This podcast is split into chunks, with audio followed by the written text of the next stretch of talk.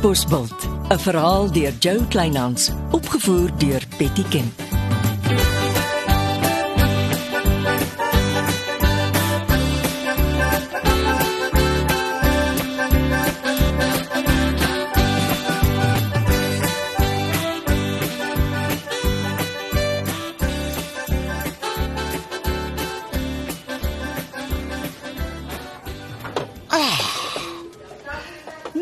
Gedink ek sal vir Gert Geert se ma in die hospitaal kon kuier nie. Maak er niks nie. Wil huis toe gaan. Ja, jy wil, maar die dokter sal besluit.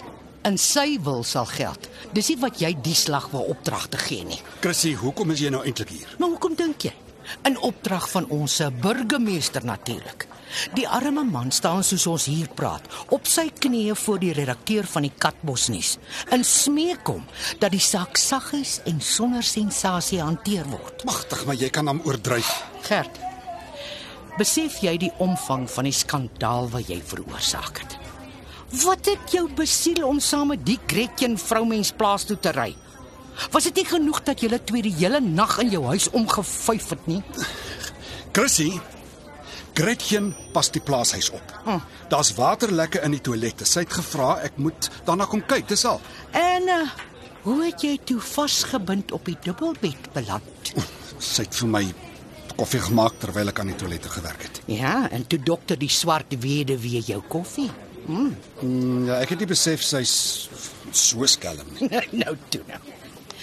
Jy weet natuurlik ons geagte weewenaar, uh, wie se plaashuis Gretchen opgepas het, glo nie in banke nie. Hy het al sy geld in sy brandkluis geberg. Ja, Reggie sê die brandkluis was oop en en dol leeg. Eh, en sy's fort met jou motor, Reggie het dadelik die sergeant gebel.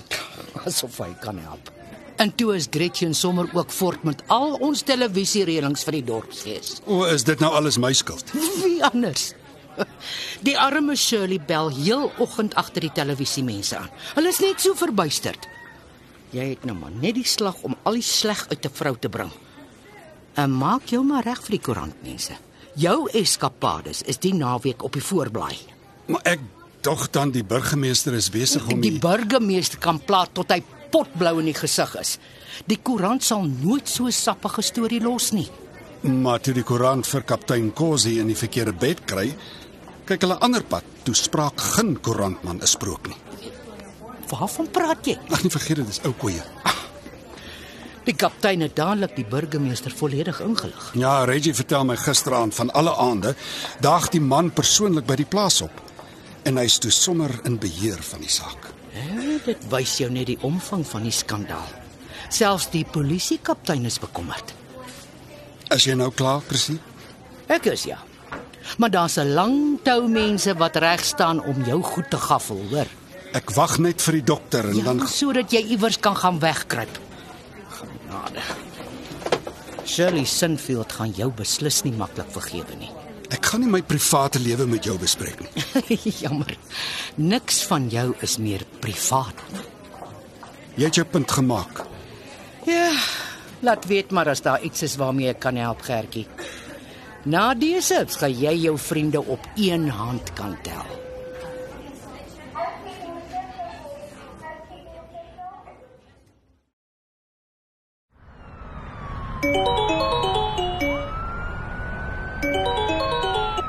Leonardo, ek kan nie nou praat nie. Nee, nee, erns sukkel om tot verhaal te kom. Hy kan nie sulke groot besluite neem nie. Wat? Nou, nou, nou hoekom het jy erns se plaasplan vir die argitek gegee? Jy, jy kan mos nie jou hotel beplan op 'n stuk grond wat nie aan jou behoort nie. Voeter voort, jy hoor nie? Ek doen my bes, maar jy is nie die enigste probleem nie. Lees die naweek se uitgawe van Katbos nuus. Dan praat ons weer.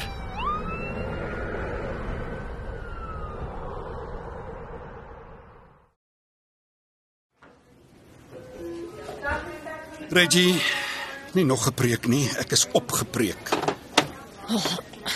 Ek het die kantoor vir 'n paar dae gesluit. Jy kan dit nie doen sonder om my eers te raadpleeg nie. Meneer, toe die tannie met haar kort rokkie en haar ywerige fotograaf in my kantoor indraf, was daar nie tyd vir raadpleeg nie. Ek het net begin om alles toe te sluit. Is die koerant klaar op my spoor? Soek meneer met 'n seer hart. En soos ek sluit, kef kef sy agterna soos 'n chihuahua terwyl haar fotograaf sy kamera heeltyd in my gesig druk. Ag, ek is jammer, Reggie. En toe bel kaptein Kosie my persoonlik. Ek moet hom op kantoor kom sien. Maar jy het mos 'n verklaring afgelê. Daar is blykbaar inkonsekwenthede van my verklaring waar hy verduideliking soek. Het jy Sir St Johnson gebel? Ja, maar hy weet niks, soos gewoonlik. Die kaptein hou die saak se kaarte styf teen sy bors. Jy kan nie alleen gaan nie. Ek gaan op my eie. Ek weet wat ek gedoen en gesien het. Dit gaan baie keer oor woordkeuses wat mense maak. Hulle bedoel iets heeltemal anders as wat hulle op papier skryf. Meneer, ek het 'n A vir Afrikaanse matriek gekry. Dankie. Nou goed. Wag 'n paar minute. Ek is seker die dokter gaan my ontslaan. Dan ry ek saam met jou. Meneer kan nie huis toe gaan nie. Die koerantmense in kampeer klaar uit met meneer se tuin. Nou waarheen moet ek gaan? Beslis nie kan broer gastehuis toe nie. Shirley sal meneer met 'n graaf oor die kop slaan. Het, het, het jy met haar gepraat? Sy het vroeg vanoggend gebel. Maar sy weet nie wat ek kan doen met die televisiereëlings vir die dorpsfees nie. Meneer was glo veronderstel om alles rondom televisiedekking met Gretchen vas te maak, nie los te dinges nie. So. Almal pak nou die skuld op my. Ag, toe maar ek weer is 'n gemors. Dis saggies gestel. Wel ek wag voor in die hospitaal se kafeteria. Vanoggend het my lyf koffie nodig.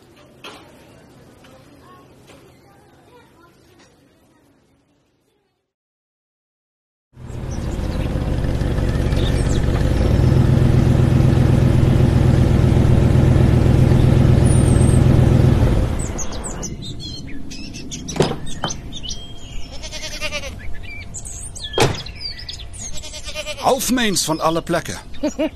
Welkom Gert. Jy's by die ideale wegkruipplek vir 'n skuldige gewete. Ag, toe nou Chrissy skei uit. Dankie Chrissy. Jy red my baas. Hy besef dit net nog nie. Ek het so lekker by Gert aan huis gebly dat dit amper lekker is om hom nou weer 'n guns te bewys.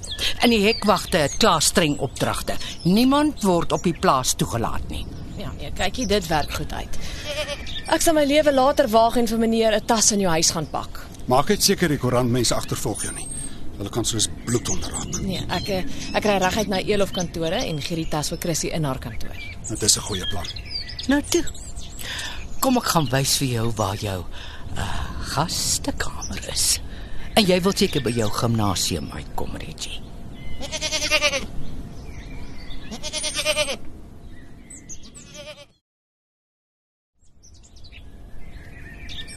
Kom in, Reggie. Das. Sy agtervolg. Nou, hierso. Oh, so. Hier's die tas. Hm. Ja, die tannie met die kort rokkie was in haar motor voor my baas se huis en sy's agter my aan. Ek het klaar met ons sekuriteitsman by ons ingang gereël. Ek hoor sy was vanoggend by die gimnasium ook. Mm. Knaande enkie mens sonder brieke. Mm. Jasper het gisteraand in die restaurant geslaap en het sy selfoon afgeskakel. Jong, die vrou mens sal nie bes gee sonder haar voorblad storie nie. Dis 'n vreemde nommer. Raadslid hier? Nee, juffrou, nee, ek is nie vanoggend beskikbaar nie. Geen kommentaar nie. Uh kontak gerus die burgemeester. Nee, ek het nie 'n idee waar me juffrou Roberts is nie. Ja, sterkte. Sy weet ek is by jou. en sy het beslis die tas gesien en sy weet dis vir Gert. Luister Reggie. Ek wil vir jou 'n groot geheim vertel. O, oh, wat? Erns bely toe vol trane gisterand. Ja? Hy het vir Gretchen 'n kwart miljoen rand geleen vir die motor wat sy wil koop. Oh, nee. Is geld wat hy nooit weer gaan sien nie. Daarvoor is Gretchen te slim vir al die mans in Katbosveld.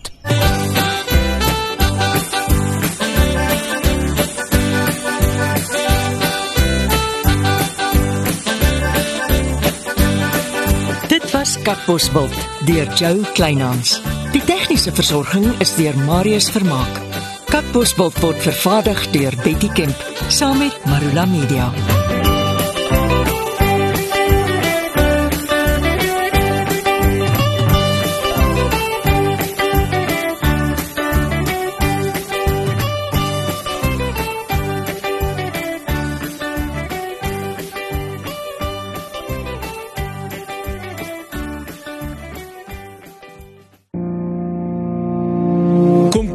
Saam met my, Kurt Darren en nege van my sokkie musiekvriende op die Super Sokkie Bootreis 2024.